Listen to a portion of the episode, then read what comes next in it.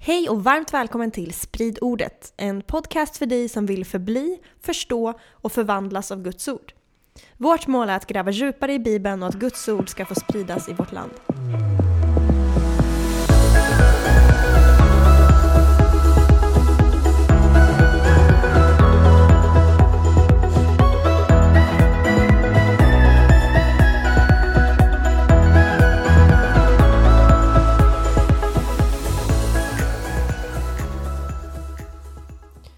Du lyssnar på Petrus och Jenny i Spridordet och vi är mitt uppe i en serie om Bibeln. För vad vore inte mer passande i en bibelpodd än att prata om Bibeln? Um, om du undrar varför det låter som att jag kämpar med att få fram ljud och låter täppt i näsan så är det för att din uh, hörsel stämmer. Jag är förkyld och hoppas att det inte ska störa så mycket under dagens avsnitt. Petrus, rädda mig. Rädda min situation. Vad ska jag, jag göra? Jag ska prata mer än vanligt. Då, Tack. då pratar jag mer redan. Ja. Ehm, vad nej, finns det mer att säga om Bibeln? Vad finns det mer att säga om Bibeln? Det finns alltid mer att säga om Bibeln. Men eh, idag så ska vi prata om Bibeln som berättelse. Det är, det är så här, vad är Bibeln för någonting? Jag, jag pratade om det tidigare i någon episod tidigare, om att Bibeln är ett bibliotek böcker, det är 66 böcker, man ska läsa dem efter sin genre och sin kontext och så vidare. Och att den är gudomlig och mänsklig, den är 100% gudomlig, 100% mänsklig. Och sen så vill jag lyfta nu bara att Bibeln är ju också en berättelse då, som är en enad berättelse, som leder fram till Jesus och hans rike. Och det jag skulle vilja prata om idag här är ju hur, hur, hur Bibeln är en berättelse att leva efter. Yes. Så Bibeln handlar ju främst om Gud och hurdana vi är som människor. Det är storyn, relationen mellan Gud och människan. Yeah. Och den Bibeln är skriven i formen av en berättelse. Ett narrativ om man vill då. Mm. Och tanken är ju då att den här Jesusberättelsen är, är någonting som vill bjuda in oss och få oss att ställa oss i berättelsen och få oss att reflektera över det och lära oss också hur vi ska leva våra liv. Och det är så viktigt med det här berättelseperspektivet för det är så många frågetecken som rätas ut när man börjar se Bibeln som en berättelse. Vad menar du? Jo, men då, då börjar man förstå sig på att de här konstiga lagarna i Bibeln, man börjar förstå att aha, okej, allt i Bibeln är inte befallningar och bud, vissa saker är beskrivningar och, och så vidare. Och när man börjar förstå det, då börjar man greppa mer vad Bibeln handlar om. typ. Och Bibeln innehåller olika genrer och enligt en räkning så innehåller Bibeln 44 procent narrativ, alltså berättelse, mm -hmm. 33 procent poesi och 23 procent prosa kan vi kalla det. Och vad är prosa? Ja men typ Paulus brev till exempel, ja. så att han gör en utläggning och mm. sådär, förklarar. Men alla de här sakerna, poesin och prosen och allting, allt är ju inom ramen för berättelsen och ingår i den större berättelsen. Och det är lite det som är det viktiga när man läser Bibeln, att man alltid behöver i åtanke att det är en berättelse. Mm. Och det här är något som behöver betonas om och om igen. För de flesta människor läser faktiskt inte Bibeln som en berättelse, skulle jag tro. Nej, och den är ju en väldigt lång berättelse, så man bara läser ett kapitel om dagen. Jag brukar inte sitta och tänka på att oj, vilken del i berättelsen läser jag nu? inte? Du brukar inte det? Nej. Nej, okej. Okay. Jo, det tror jag du gör undermedvetet. Jo, men jag sitter ju inte och tänker på nu läser jag en berättelse, en självbiografi eller en Jaha, saga eller ja, ja, ja. en story. Nej, men det är för att du kanske inte gör det. Alltså, du kanske läser en poetisk text i Saltaren ju. Ja. ja, men det är ju ändå att den är i kontexten av en berättelse och det ska ju påverka ens tolkningsfilter. Mm.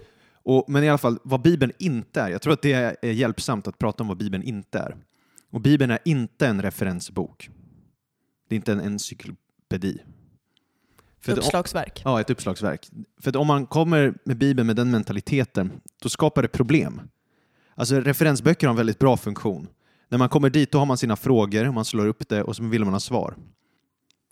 Men man läser inte ett uppslagsverk från början till slut, utan man hittar var ämnet behandlas och sen slår man upp det ämnet.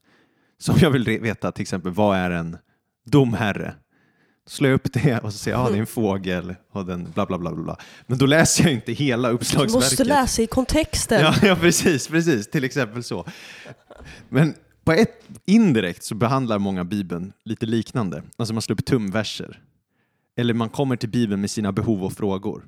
Ja, men man brukar ju säga om någon säger åh jag vet inte vad jag ska göra i det här valet. Då säger ju alltid folk, den kloke mentorn, har du kollat i Bibeln? Mm, just det. Är det fel?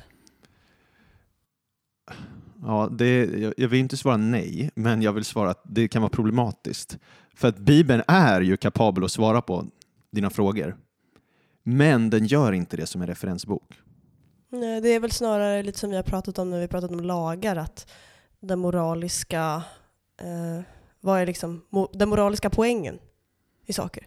Ja, inte alltid, men det, det kan vara ett exempel. Alltså det kan, Bibeln är ju menad att läsas som en berättelse som i sin tur ska forma ens tänkande och ge svar på sina frågor. Så om, om, jag, om jag läser Bibeln bara som en handbok, typ en teologisk handbok, så här, vad är människan? Vem är Gud? Vad är problemet? Vad är lösningen? Hur Fast många det- änglar finns det? Fast det funkar Vem i ska jag vissa gifta mig frågor. med? Alltså, till exempel, hmm, borde jag gå och slå ner den här personen? Nej. Eh, förespråkar Jesus att man ska ligga runt?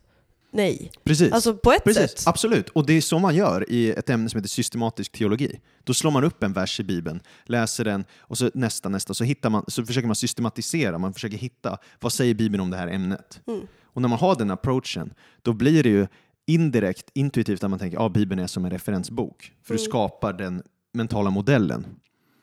Så alltså, själva, det är inte något negativt, jag säger, alltså, det är positivt. Saker, det är bra Ja, det saker. det Systematisk teologi är bra.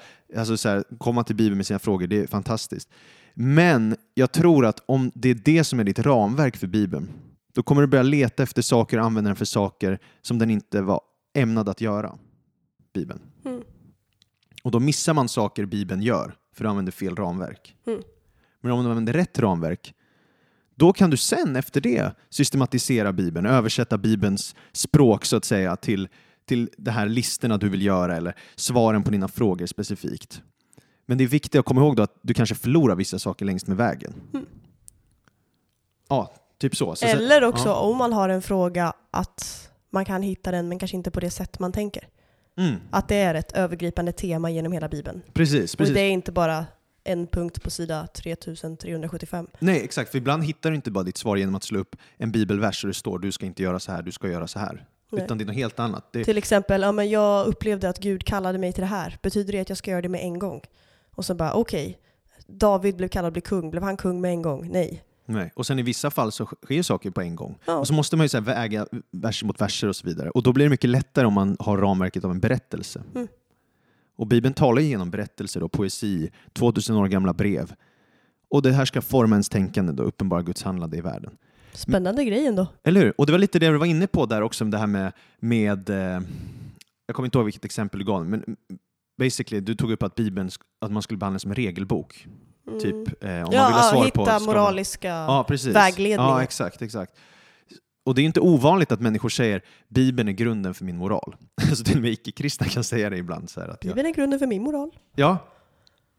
Och det, men problemet är kanske att då andra som följer Jesus och de som inte gör det, då kanske de ser Bibeln som en regelbok. För att man säger att det är grunden för Mm. ens moral. Mm. För många, vad många associerar Bibeln till är de Mm. tio budorden. Mm. Och det, jag vill bara säga, det är jätteviktigt att få sina moraliska principer från Bibeln. Och det ska vi prata om idag. Mm. Men för, för liksom, annars skulle vi landa i våra egna moraliska preferenser. Och då skulle vi inte ha någon annan auktoritet än Då oss kommer själva. vi tillbaks till trädet om kunskapen Ja. om gott och ont. Precis! För det är det Bibeln börjar med. Vem Oh, får no. definiera vad som är bra eller vad som- vad som är gott och ont? Får människor det eller ska Gud göra det? Ska vi lita på Gud eller ska vi göra det vi själva tycker är bra? Mm. Men Bibeln är ju så här, istället för att bara svara på moraliska frågor med massa regler så bjuder ju Bibeln in oss till så här en dynamisk process. Att få vår etik Verkligen. och karaktär i linje med Guds genom att läsa en berättelse och vi ska ställa oss i ljuset av den berättelsen och fundera på saker. Det är ju vishetslitteratur i Bibeln. Okej, det där var konsekvenserna att han gjorde så, okej, det kanske inte är så bra. Och ibland är det ju bud och de ges i kontexten, kontexten av en berättelse Mm. Och så vidare. Och Jesus förklarar ibland, det finns en djupare andemening bakom de här buden och så vidare. Så poängen är, vill bara säga att Bibeln är inte en referensbok, Bibeln är inte en regelbok. För en regelbok säger åt vad folk vad de ska göra och lämnar det vid det. Mm. Men Bibeln är vishetslitteratur, det är en berättelse som ska forma oss i vårt tänkande så att vi i slutändan kommer behöva färre regler Eftersom övertygelserna vi fått är uttryckta i vår karaktär. Vi har liksom blivit formade i en världsbild. Så Bibeln har regler, Bibeln har eh, liksom saker du kan slå upp och hitta. Mm. Men det är inte det den är främst av allt. Typ. Så. Den är mycket mer. Exakt, det är en berättelse då, fylld med poesi och ja, prosa. Det ena och det andra. Ja. Och det är så viktigt att den är en berättelse. För Bibeln ska vara en auktoritet i våra liv. Ju. För Jesus lär ju oss att Guds ord eh, är Bibeln. Smart. Eller så här, ja, men, visst, och Gud, Gud kan ju tala utöver Bibeln också, det är inte det jag säger. Men att han lär oss att det är ändå auktoritativa skrifter som man ska så här, förhålla sig till om man vill följa Guds plan för sitt liv. Mhm. Mm. Och eftersom han är herre, då vill vi försöka förstå vad Bibeln är och vad den säger och vad den lär. Rimligt. Och Bibeln är en berättelse. Och Det är så viktigt där, för Bibeln vill vara en konkurrerande berättelse i världen. För alla lever i en berättelse. Och moderna människor skulle kalla det en världsbild. Ateister lever i en berättelse. Typ så här, var kommer jag ifrån? Men först fanns det ingenting. Och sen så, eh, av en underbar olycka och slump, så exploderade allting och skapade den här världen. Liksom. Det, det, det är också en berättelse du story. lever Ja, absolut. Eh, och så vidare. Politiska vänstern har en berättelse. Politiska högern har en berättelse. Hur man beskriver världen. Och alla falanger, alla religioner, allting har berättelser, alltså världsbilder hur man lever i. Mm. Och Bibeln är då en alternativ story. Och Bibeln vill ju förändra världen. Och det gör man genom att berätta en berättelse. Djupt. Halleluja. Ja. Det finns en eh, svensk religionsfilosof som heter Mikael Stenmark. Jag tänkte vi ska läsa lite ur hans bok här. Bara för att ja, men det är spännande med, med det här hur alla lever efter en berättelse. Han säger så här. Kör. För de flesta av oss gäller det nog att vår livsåskådning inte primärt är en mängd av mer eller mindre sammanlänkande föreställningar och värderingar, en tankeprodukt, utan att den upplevs, uttrycks och observeras i våra liv. Även om det inte hindrar filosofer från att identifiera bärande tankestrukturer, vilka det sätt på vilket vi lever och talar om våra liv kan återföras på eller relateras till. Och så säger han så här då. Av bland annat det skälet är livsåskådningarnas narrativa form av stor betydelse. De förmedlas ofta till oss via berättelser snarare än som abstrakta tankekomplex. Att det förhåller sig så tycks vara mer eller mindre uppenbart när det gäller religioner med religiösa urkunder som den hebreiska bibeln, den kristna bibeln eller Koranen. I de här religionerna spelar skapelseberättelser och narrativa gestaltningar av exempelvis israeliternas uttåg i Egypten, av Jesu liv, död och uppståndelse eller av Guds uppenbarelse för Mohammed och hans kallelse att vara Guds sista profet eller sändebud en central roll. Men berättelser kan också spela en viktig roll vid gestaltandet av en icke-religiös eller sekulär livsåskådning. Biologen Edward O. Wilson menar att när de religiösa berättelserna överges och anses vara förlegade kan evolutionsteorin ersätta dem och spela denna roll i människors liv. Han skriver att The evolutionary epic is probably the best myth we will ever have. Wilson tänker sig att en sekulär människa idag kan och bör förstå sig själv och leva sitt liv i ljuset av evolutionsberättelsen, inte en skapelseberättelse. Och varför läser jag det här? Jo, för med andra ord, allt han säger där är att alla människor lever efter en berättelse. Vi behöver en berättelse att leva efter. Våra hjärnor är som wired, vi är programmerade för att leva efter en berättelse. Och den stora frågan är bara vilken berättelse lever vi efter? För det kommer påverka hela vårt liv. Och det är där Bibeln vill vara då en counterstory till världens berättelse. Intressant tankesätt. Mm? Också väldigt intressant att du typ byter tonläge när du läser på engelska.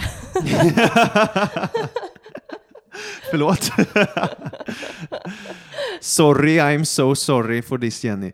Okej, men eh, Bibelns berättelse, alltså, ja, hur ska man sammanfatta den? Man skulle kunna sammanfatta den typ i stil med skapelsen, Mhm. fallet, Yes. Israel, Jesus, kyrkan och sen upplösningen då. Allt blir bra. Allt. Oh, tack, skönt. Och då lever vi nu i kyrkans story. Ja. Eh, Men, men vissa bibel, bibelforskare skulle mena att det här, det är klart att det är en för reduktionistisk syn på Bibeln. Reduktionistisk, alltså Okej. att man har ja, förenklat? förenklat den Ja. lite för mycket. Scott McKnight, han menar ju då att berättelsen Jesus använder sig av när han kommer är om, en om ett kungarike, om Guds rike. Han Mm. säger ju så här, här är Guds, evangeliet om Guds rike. Ja, han använder ju mycket den Mm. eh, retoriken, Jesus. Exakt, för, och där Jesus är kung då i det riket. Mm. Så Scott McKnight, han menar så här, man skulle kunna också rama in Bibeln så här i ett tre kapitels ramverk av först teokrati, sen monarki, sen kristokrati. Alltså först Gud regerar, sen en kung regerar, sen Kristus regerar. Och då i den tankegången skulle det vara att Bibeln börjar med, att, med teokrati. Gud är skaparguden, Gud är den förbundsskapande guden i Första Mosebok 1. Människan blir satta som kungar och präster då i det här kosmiska templet, Eden, typ, Mhm. mm, i kapitel 2.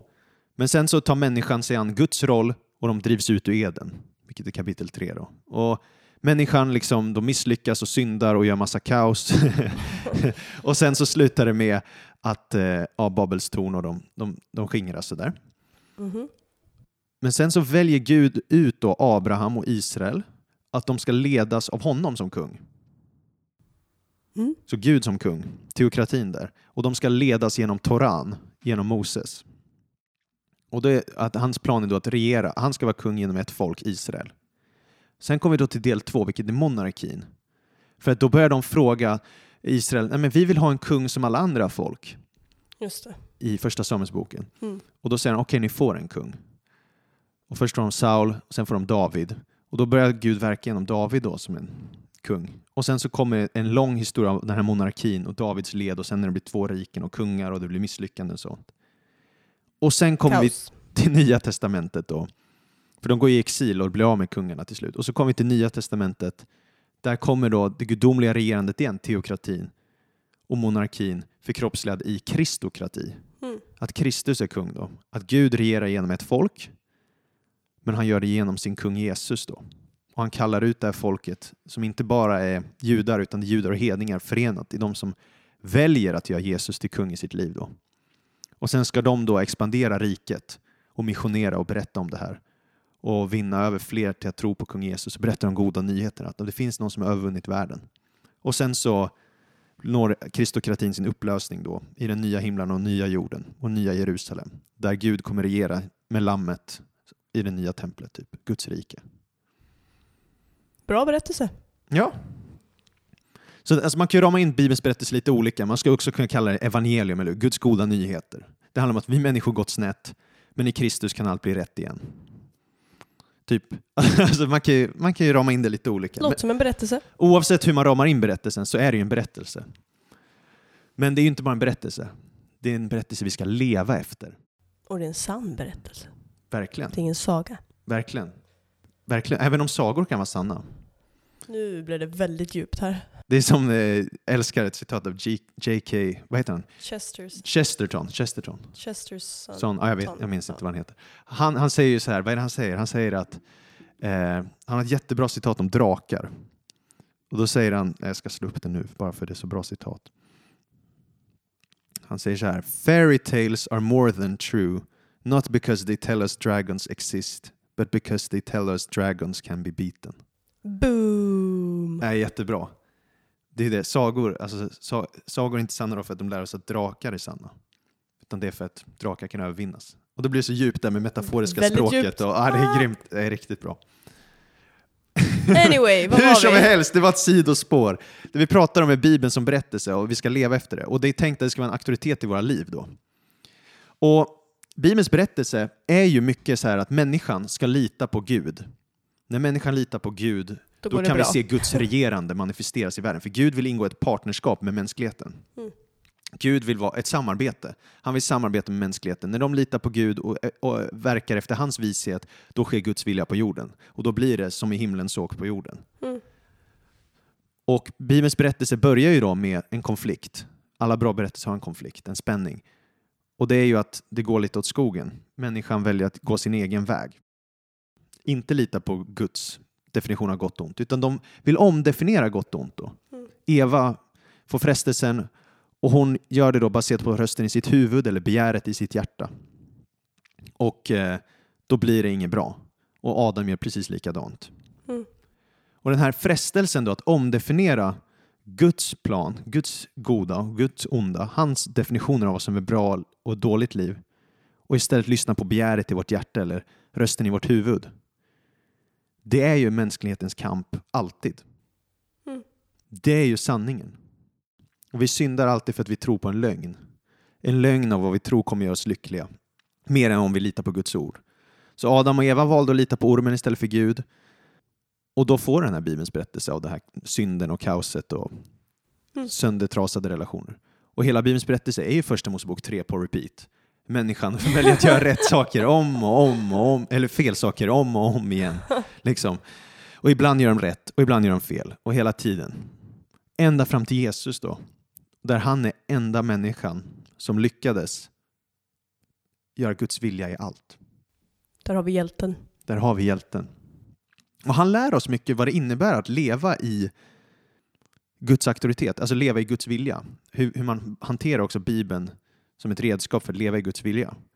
Så om, vi kan ju läsa lite.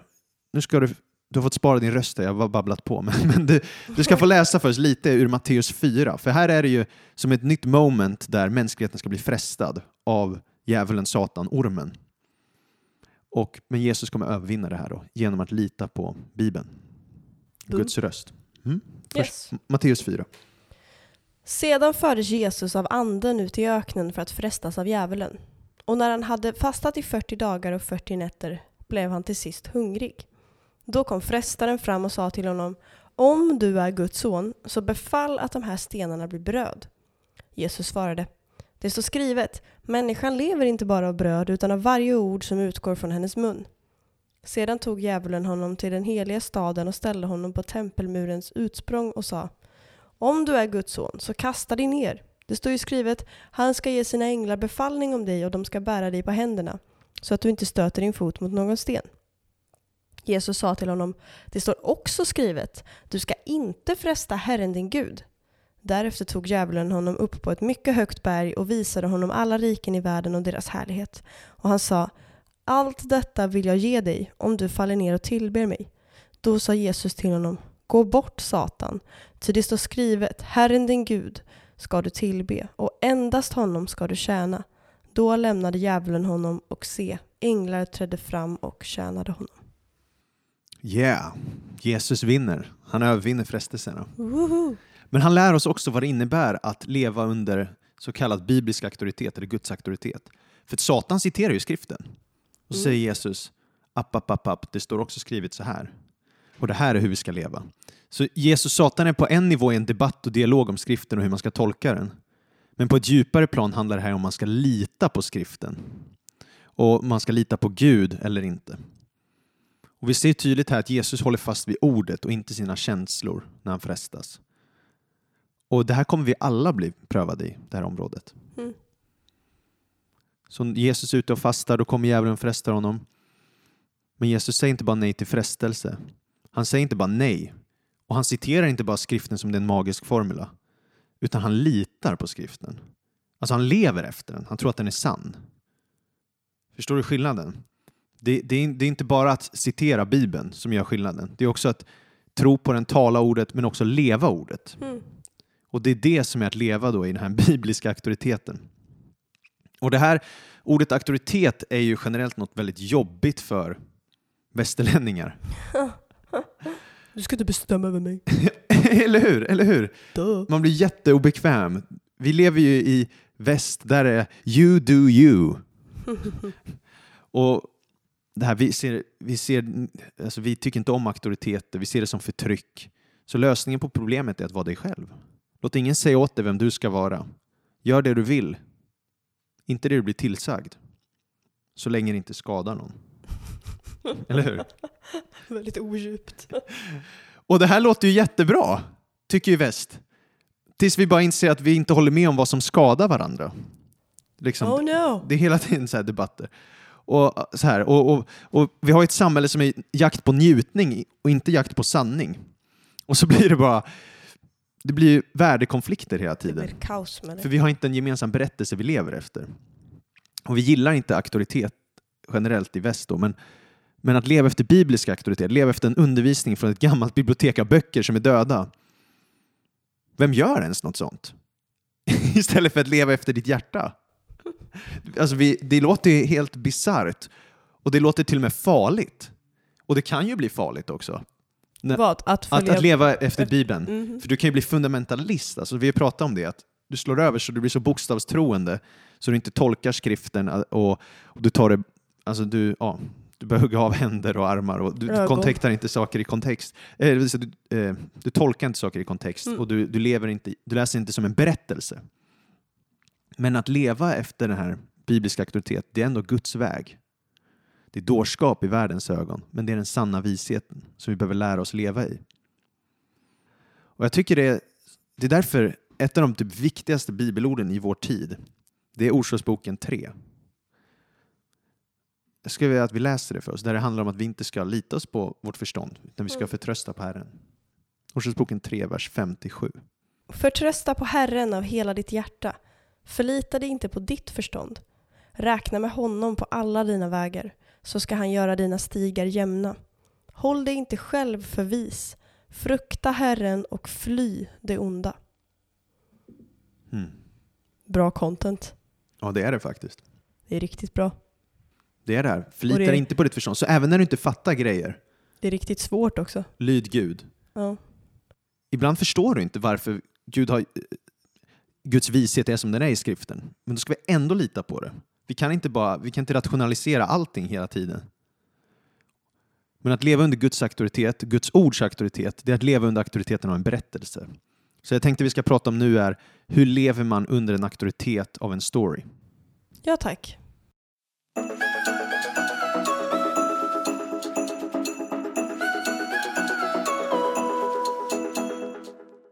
Okej, så praktiskt. Hur lever man under Domarboken? Hur lever man under Josua bok? Eller Apostlagärningarna? Eller Uppenbarelseboken?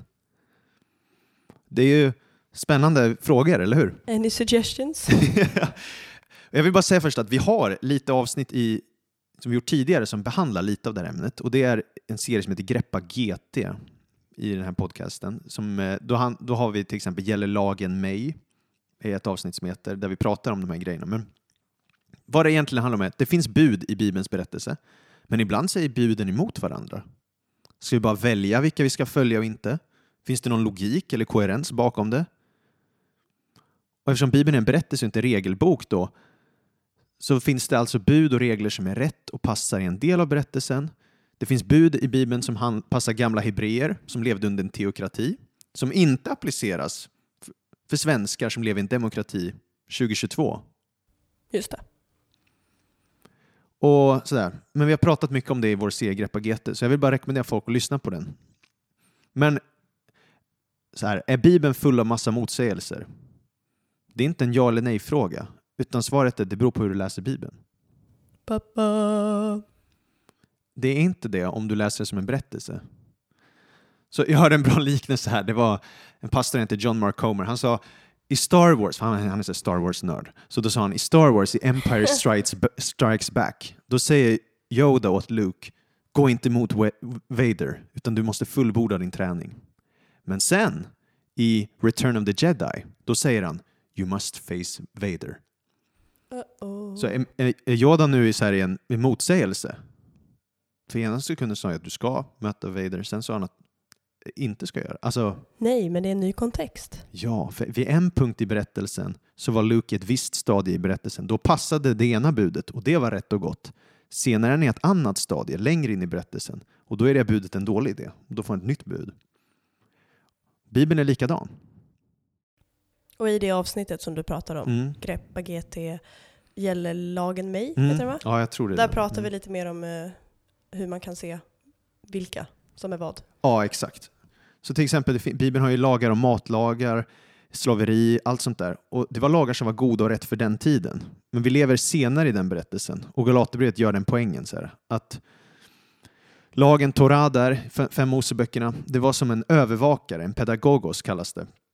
Och poängen är då att det är lite som, det finns regler för barn och så finns det som är bra för dig som barn, men som inte är bra för dig som vuxen. Typ att man bara får äta sötsaker en dag i veckan.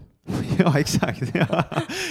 Jo, men Galaterbrevet 3 pratar om det här att vi håller inte Toran, eh, lagarna, men vi håller inte lagarna i, i GT för den, är, den var vår övervakare. Den var liksom vår nanny, vår barnflicka typ. Det är lite det ordet som används i Bibeln där och Mm. beskriva för att någon du betalade för att uppfostra barn. Och lagen var på det sättet. Den skulle uppfostra Israel, men nu när Jesus kommer behöver vi inte det. Så säger om du är 30 år, då behöver du ingen nanny. Du behöver ingen barnflicka då. Du kanske behövde det när du var sju, men det är inte så nice när du är 30. Och lite samma sak, så här, i en familj kan du ha flera regler. Ljug inte. Bra regel. Som varar hela livet. Men sen kan du ha en annan regel. Lägg dig klockan 19. Är det en bra lag även när du, när du är 30 år gammal? Nej. K- Nej, kanske inte, eller hur? Så vissa lagar är bra för en tid som inte behöver vara bra senare. Och, och Bibeln är mycket sådär, och Bibeln tar de här gamla israeliterna på en resa, den möter dem där de är och sen drar de på en kulturell resa. Och jag tror att vi pratade om det i den här serien, att typ Ja, så här, eh, alla är överens om att vi behöver bli mindre beroende av fossila bränslen här och nu. Mhm. Men för ja, miljön så här. Men om vi skulle göra det nu, det skulle vara en väldigt dålig idé. För då skulle allting kollapsa. Så då, möt, och då kan man säga att ja, vi går mot den här riktningen. Det är samma sak med Bibeln, den möter israeliterna där de är och tar dem på en resa mot en ideal riktning sen framöver. Eh, sådär. Så i och med Jesus så är vi inte under lagen. Men alla de tidigare lagarna var till för att peka mot ett ideal. Så därför är allt gott och nyttigt för oss att läsa. Yes. Och det är därför det kan bli stor förvirring så här kring Bibeln när man läser Bibeln som en serie, vad ska vi kalla det, disconnected stories. När man bara läser det, man slår upp en, en bibelberättelse och så läser man, ah, vilken moralisk poäng är det här för mitt liv? Det är kanske inte så Bibeln funkar, utan det är mer av en stor berättelse som berättar för oss om hur människan kom in i sitt nuvarande tillstånd av synd och död och sjukdom och hur Gud genom Jesus Kristus kommer för att göra allting rätt igen. Samtidigt som det är inte fel att Nej. hitta poänger på det sättet heller. Nej. Det är ju det är en berättelse men den vägleder ju oss. Så det beror på kontext och det är vishet, det kräver erfarenhet och förbli i ordet så, här, så kommer man förstå. Samtidigt som att Bibeln kan tala till en, eller Gud kan tala till dig genom Bibeln, även om du är helt ny i att läsa. Ja. Så du behöver inte känna så här värsta stressen att ah, jag har precis börjat. Hur ska jag kunna, måste jag vänta typ fem år tills jag förstår vad Gud vill säga till mig? Nej. Det funkar ju inte så heller. Nej, verkligen inte. Och det är därför vi, det här pratar vi också om i serien Greppa GT, att Gud har gett oss sin ande, den heliga ande som kommer vägleda oss in i hela sanningen. Så vi har fått en hjälpare som Och det är kommer vägleda coolt. oss och tala till oss. Ja, det är verkligen Att läsa en coolt. övernaturlig bok på ett övernaturligt sätt. Det, Ja. är, det är en bra hobby alltså. Amen, amen. Men så här, för oss, då är det ju, ja, när man läser Bibeln, det kan ju vara bra att försöka ta reda på vad, vad menar författaren? Vad var hans intention? Det var ju en, faktiskt en människa som skrev det. Mm. Bibeln är för oss, men inte till oss. Eller hur? Vissa Mm. saker skrevs ju till israeliter, men alltid skrivet för oss. Så då Mm. behöver vi tolka det genom det filtret. Vi lever i samma del av berättelsen som Nya Testamentets kyrka. Så det är det vi är, den auktoriteten vi är under. Vi lyder de buden. Inte om de är specifika. Typ så här står i Bibeln, typ, det står typ åk till Troas eller hämta manteln. Menar, det behöver vi inte lyda. ju, Sök inte Betel. eller om det står så här, hed, ja, exakt, jag måste söka inte bet. Men, eller hedra kejsaren. Vi har ingen kejsare. Men då kan vi tolka över dem. Ja, Statsministern. precis, precis. Åh, wow! Exakt, så det kräver kulturell översättning. Att så här, hälsa varandra med en helig kyss. Betyder det att vi ska gå runt och pussa varandra idag? Nej, men vi kan översätta det till att behandla varandra som en familj. För då för var det att man behandlar dem som en familj. Man, man kysste varandra i sin familj. Så då kan vi tänka ja, men med värme och synlig eh, tillgivenhet, så affection. Fotnoten i min eh, bibel, Ja. folkbibeln 15, de eh, menar ju att den heliga kyssen, det är den här hälsningsfrasen som man gör i, alltså i medelhavsområdet fortfarande, i Spanien och så här, att man pussar varandra på kinden. ah, okej. ja. Men det gör vi inte i Sverige. Nej, Här kanske det man var- kramar frikyrkokramen. Eller? Hälsa varandra med en helig kram. ja, ja, precis. Sådär. Så det är lite så. Men då är det också så här, om, om Bibeln, om det är så simpelt, varför finns det då så många tolkningar? Det är ju en svår fråga, men man kan ju säga att Bibeln är ganska tydlig kring det essentiella, det grundläggande. Jesus är Guds son, Jesus är Gud, han är uppstånden från döda, allt det där. Och där Bibeln är tydlig behöver vi betyder inte att vi är tydliga och klara med vår tolkning. För vi kan ibland bli påverkade av vår kultur och personlighet. Och då kräver det att man så studerar. Och där Bibeln är klar har människor ibland problem. För ibland krockar det med våra begär och vårt kött med Bibelns lära. Ofta då kring sexualitet. Det är ofta en sån där trigger liksom. Där man Mm. vill bända Bibeln och få den att säga andra saker än man gör. Så. Mm. Och så när vi vill ta reda på vad Bibeln lär och vad den talar, då krävs det ju bibelstudie. inte bara bibelläsning. Mm. Utan det här alltså man bör verkligen studera saker. Och jag tror vi kommer göra episoder om det, vad det innebär att studera Bibeln. Men eh, grundläggande är ju att läsa studiebiblar eller bibelkommentarer, lyssna på podcasts, predikningar, kurser, alltså för att ta reda på, forska om kontexter och allt det där. Man behöver inte uppfinna hjulet igen. Det finns många som har forskat i Bibeln innan en själv. Ja, Och exakt. om man själv kommer med någon ny uppenbarelse, då är det ofta sektvarning. ja, absolut, absolut så är det. Eh, Behöver inte vara, Nej. men det kan vara.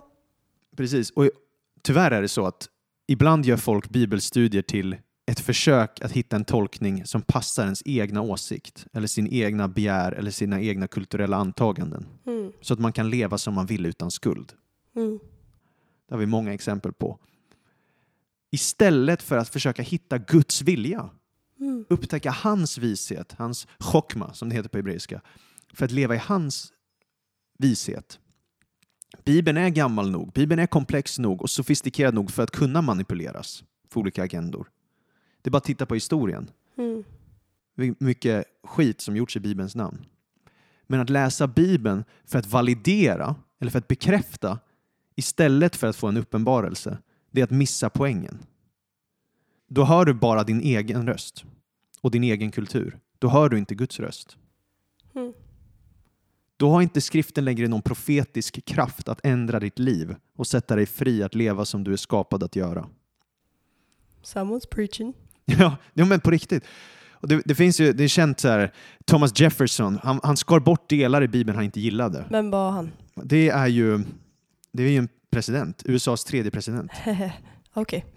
Eh, jag tror tredje president, jag vet inte, fact-checka mig på det. Men han var president i USA i alla fall. Han skar ju bort delar i Bibeln han inte gillade. Så här, kring sex och kring alla de här sakerna han inte gillade. Och då blev det kvar bara en validation eller en bekräftelse av hans begär. Att ligga runt och äga en slav. Och det är ett vanligt sätt att läsa Bibeln på. Och då vill jag bara säga så här, bara gå inte igenom Bibeln, låt Bibeln gå igenom dig. Alltså vi måste komma till Bibeln med en djup längtan att få lära känna Guds vilja. Vi ska inte komma till Bibeln för att få den att hålla med mig om min syn på X, Y eller Z. Utan vi ska komma dit och säga, okej, Gud, vad tycker du om det här? Hur kan jag möta verkligheten? Guds rike i mitt liv här och nu. Påminns om det här eh, som Bib- Bibeln lyfter. Eh, Men att man måste bli som ett barn för att nå in till himlen. Barn har ju sällan en sån agenda. Klart barn kan ha agendor, det är inte Jo, det jag menar. jo. Men, men det är snarare en så här upptäckarhatt man Mm. har på sig. Att så här, wow, vad ska jag lära mig idag? Nyfikenhet, vad vill Gud? Alltså ödmjukhet Exakt. Mm. För det, det, ärligt talat, den profetiska kraften i Bibeln, det är ju att Alltså, problemet är ju att om, om Gud håller med dig om allt, då har du nog troligtvis gjort dig själv till Gud. Oj då. I de djupaste relationer man har, då håller man inte alltid med varandra om allt. Tala om äktenskap. Nej, nej, nej men... Jag är fattar. bättre på shuffleboard, alla ja, vet ja, det. Ja, exakt. Till exempel. Nej, men sådär. Och samma sak med Guds relationen. Att ibland så ska det skava. Ibland ska det vara, vänta, Gud tycker något annat här än vad jag tycker. Och då om jag bara ska, nej men jag ska bara bekräfta mina begär och mina åsikter hela tiden och det jag blivit upplärd och det min kultur säger. Då har jag, ta, då har jag liksom klätt av Bibeln dess profetiska kraft. Mm.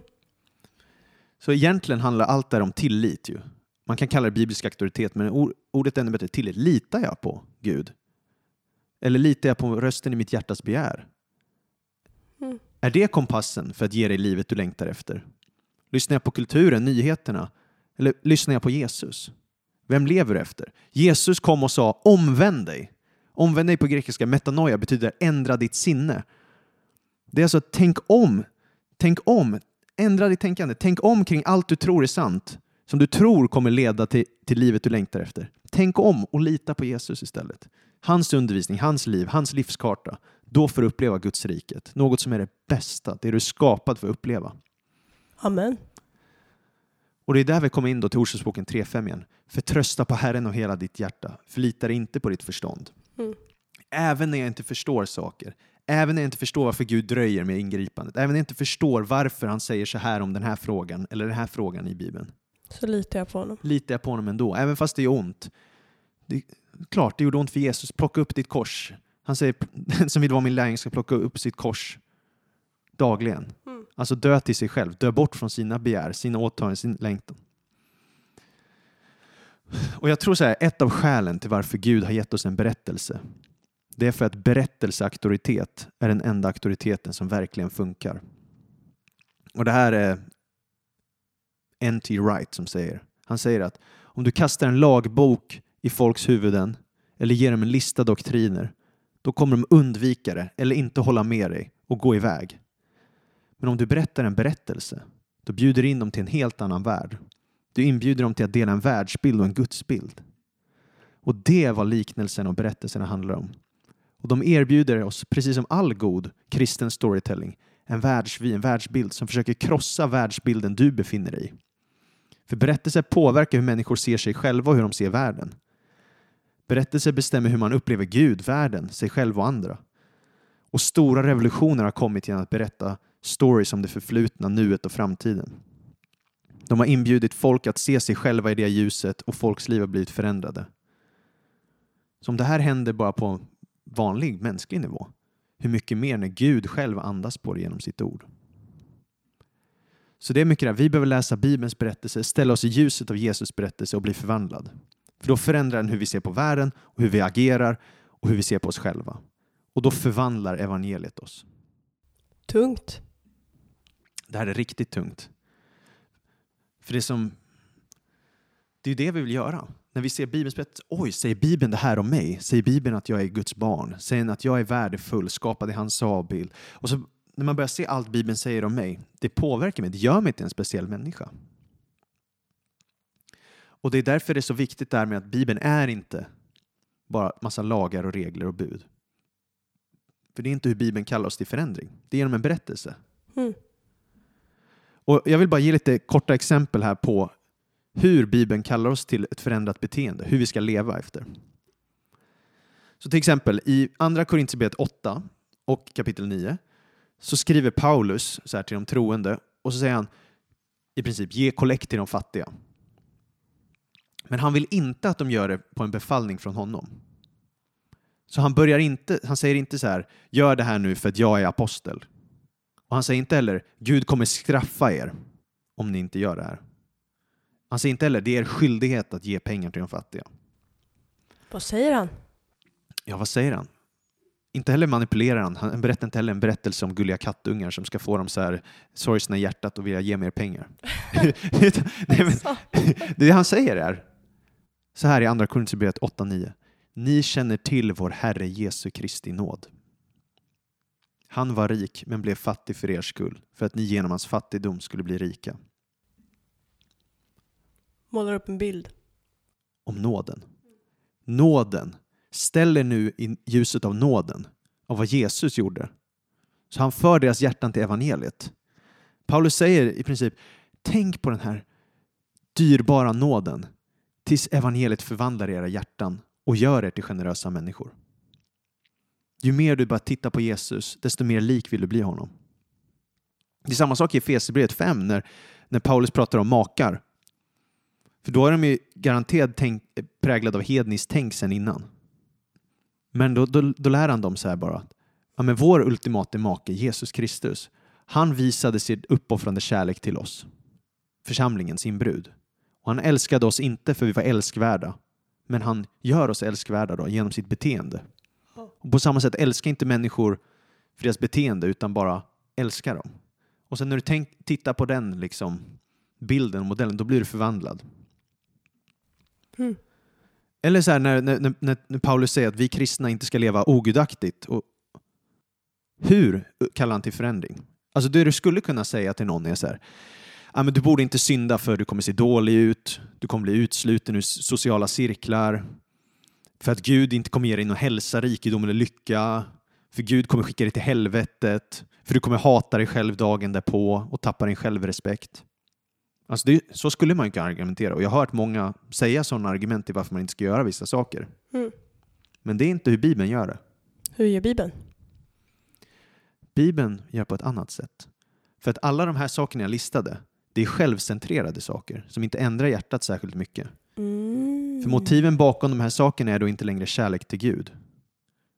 Utan det, då blir det som redskap istället bara för att Jag vill använda Gud för att få saker jag vill. Självkänsla, rikedom, social status. Men istället säger Paulus, det är Guds nåd som fostrar oss. Den får oss att säga nej. Så i Titusbrevet 2, 11-12 då står, vill du läsa det först? Eh, Titus ja. 2, 11-12. Ty Guds nåd har uppenbarats till frälsning för alla människor.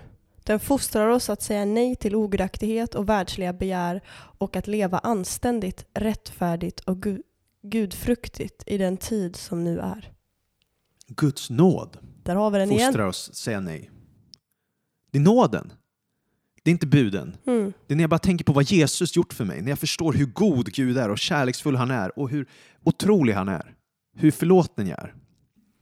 Bra fokus. Eller hur? Och det är samma sak där Titus fortsätter liksom lite, några verser ner i Titus 3, vers 4 och framåt, om du läser det också.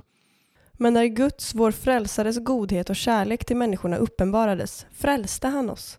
Inte för rättfärdiga, rättfärdiga gärningar som vi hade gjort, utan på grund av sin barmhärtighet genom ett bad till ny, förny, ny födelse och förnyelse i den helige Ande, som han rikligt utgöt över oss genom Jesus Kristus, vår frälsare.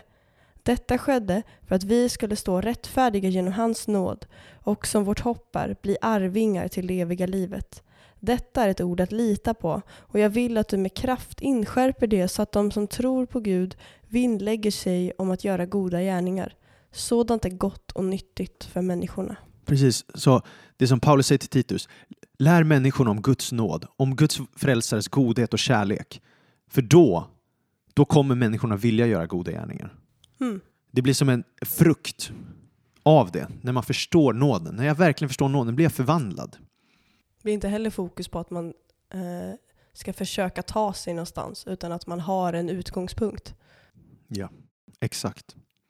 Och det är det här, alltså att Bibelns berättelse vill döda religiöst tänkande. För religiöst tänkande, det är fokus på det externa. Jag ska fixa mitt beteende, jag ska hålla sabbat, jag ska skär, omskära mig, jag ska läsa Torah. Jag ska göra allt det här för att bli accepterad av Gud. Men Bibelns budskap, Bibelns berättelse, det är tro på Herren Jesus. Då flyttar helig ande in på insidan och du blir en ny människa. Så religiöst tänkande säger så här, ifall jag skärper mig kommer Gud ta emot mig. Men evangeliet säger, Gud tar emot oss och sen blir vi förvandlade. Amen. Så religion säger så här, gör något för att bli någon. Du är älskad för vad du gör. Det är vad religion säger. Mm. Men evangeliet säger, du behöver först bli någon för att göra något. Mm. Du behöver först ta emot förvandlingen. Eller snarare, du är älskad för vem du är. Så religion, det är utifrån och in. Evangelium är inifrån och ut. Religion är, jag lyder, därför är jag accepterad. Men evangeliet är, jag är accepterad av Gud, därför lyder jag. Mm. Det är en sån viktig ordningsskillnad där. Olika motivation. Exakt. Och det är så här, människor kan förkasta Gud på två sätt. Antingen i religion eller religion. I religion, det vill säga leva hur man vill. Nåd utan sanning. Jag förkastar Gud genom att omfamna, eh, eh, alltså jag bara förkastar Gud genom Ja. att jag lever my way. Religion däremot, då förkastar du Gud genom att lyda Gud och försöka förtjäna favör. Och du presenterar din egen rättfärdighet. Man skulle kunna kalla det sanning utan nåd. Fast då lyder man ju inte. Nej, Men man försöker. man försöker. Strävar snarare. Ja, sträva, det är bättre ord. Så det är ju det. det, det är så här, I religion, det är att undvika Gud som Herre och Frälsare genom att ignorera honom helt. Medan religion, det är att undvika Gud som Herre och Frälsare genom att presentera egen moralisk rättfärdighet till honom. Självrättfärdighet. Yes. Så det finns de här två dykena, dikena. Mm. Antingen kan du hamna i diket sanning utan nåd, vilket är religion, lagiskhet, moralism. Eller så hamnar du i diket av irreligion, alltså relativism eller liberal teologi, liberalism, alltså nåd utan sanning. Mm. Men sanningen och nåden samexisterar ju. Bibeln, eh, första Johannes, eh, första Johannes, eh, säger Johannes evangeliet säger ju att Jesus Kristus kom och han var full av nåd och sanning. Mm. Och det här är Bibelns berättelse. Alltså att Bibeln, Bibeln lär oss att Gud kommer och frälser oss först och sen kommer förvandlingen av beteende. Lydnad ska vara ett resultat av frälsning, Mm. inte orsaken till frälsning. Och det är, det är det här som är de goda nyheterna. Det här är Bibelns berättelse vi vill leva i, evangeliet. Vi ska träna, disciplinera oss och coachas av det här evangeliet. Att sjunka in på ens insida. Mm. Och när evangeliet tar plats i våra hjärtan, då börjar vår motor som driver vårt syndiga beteende sakta förlora sin makt. Vi behöver inte längre ljuga, för vårt rykte är inte så viktigt. Vi behöver inte längre svara på ett ilsket sätt mot våra motståndare, för de kommer ändå inte åt vår sanna skatt, som är himlen. Ingen kan komma åt den. Mm. Evangeliet förstår både stolthet och fruktan som driver så mycket av moralisk beteendeförändring. Och evangeliet krossar stoltheten därför den säger till oss att vi är så förlorade att Jesus behövde dö för oss och utan honom kan vi inte bli räddade. Men det förstör också fruktan för den säger att inget vi gör kommer kunna tömma ut hans kärlek för oss. Mm. Hans kärlek är konstant. Och när vi omfamnar de här sanningarna på djupet, då blir inte våra hjärtan bara begränsade till att inte göra vissa saker, utan de blir förvandlade. Så då är det så här, alltså, det är det, Bibelns berättelse, när vi verkligen tror på den, Ja. då, då agerar vi inte längre moraliskt för att det gynnar oss eller för att det får oss att känna oss lite bättre. Utan istället säger vi sanningen, till exempel, vi håll, håller våra löften för att han som älskar oss dog för oss och han höll sitt löfte trots den enorma smärta som skulle orsaka honom. Han höll löftet fast det innebar de mest enorma av smärtor. Och jag vill vara lik min frälsare för han har gjort det för mot mig. Då vill jag visa samma kärlek till andra. Mm. Så evangeliet leder oss till att göra det rätta, inte för vår skull utan för Guds skull. Vi vill göra det rätta för att vi vill likna, eller hur? Lära känna och behaga Jesus som älskar oss och räddat oss. Mm. Och samma sak, vi behöver inte längre bekymra oss om pengar, för korset visar oss Guds omsorg om oss. Och så vidare. Vi skulle kunna gå igenom så många grejer. Men det är bara det här att hur lever vi ut Bibelns berättelse? Hur lever vi under Bibelns auktoritet? Ja, men genom att leva i evangelium. De goda nyheterna är från första Mosebok till Uppenbarelseboken. Och när vi förstår att det handlar om Jesus och hans rike, det handlar inte om att vi kan förtjäna vår väg till Gud, utan att, det är inte att jorden behöver ta sig till himlen, utan det är att himlen har tagit sig till jorden. Come on. Babels torn var att människorna vill göra upp ett torn till himlen. Det gick inte så bra. Evangelium är att Guds son kliver ner till jorden för att lyfta oss där vi är, möta bra. oss där vi är och ta oss på en resa mot idealet. Mm. I hans kraft, i hans nåd. När vi Mm. försöker själva går åt skogen. När vi väljer vår egen väg går det inte bra. Men när vi läser hans berättelse, lyssnar till hans berättelse och förvandlas av hans ande, då blir vi det folk Gud tänkt för oss. Mm. Och det är det, att leva i, en, Bibeln är en berättelse att leva efter. Mm. Men vi kan bara göra det om vi verkligen förstår anden. Eh, tar emot anden och tar emot Jesus i vårt hjärta. Jag förstår anden vet jag inte om jag Nej, gör, men förstår han? Jag vet inte vad det kommer ta emot anden Ja. och låter honom verka i ens liv. ja. Och det är ju tur då att vi har ett liv på oss i den här mm. helgelseprocessen som det faktiskt är. Mm. Ehm, men fantastiskt med hjälparen. Mm. Och Amen. det här liksom viktiga med utgångspunkten i nåden, utgångspunkten i frälsningen och inte det här religiösa tvärtom-andet. Att försöka ta sig till Gud, som det är i de flesta, Mm. i många religioner. Mm. Att jag ska prestera och då kanske eventuellt jag får komma till Gud. Men att det är tvärtom här.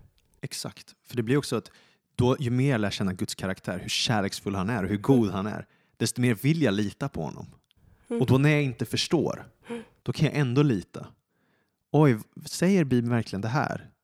Det är ju så obekvämt i mitt kött, men då väljer jag ändå lita på det, för Mm. jag vet att han är så god. Det är en bra story. Det är en väldigt bra story. En story jag vill leva i resten av mitt liv. Amen. Yes, stort tack att ni har lyssnat. Hoppas ni har lärt er någonting. Det har jag gjort i alla fall. Uh, Gud välsigne er och så hörs vi snart igen.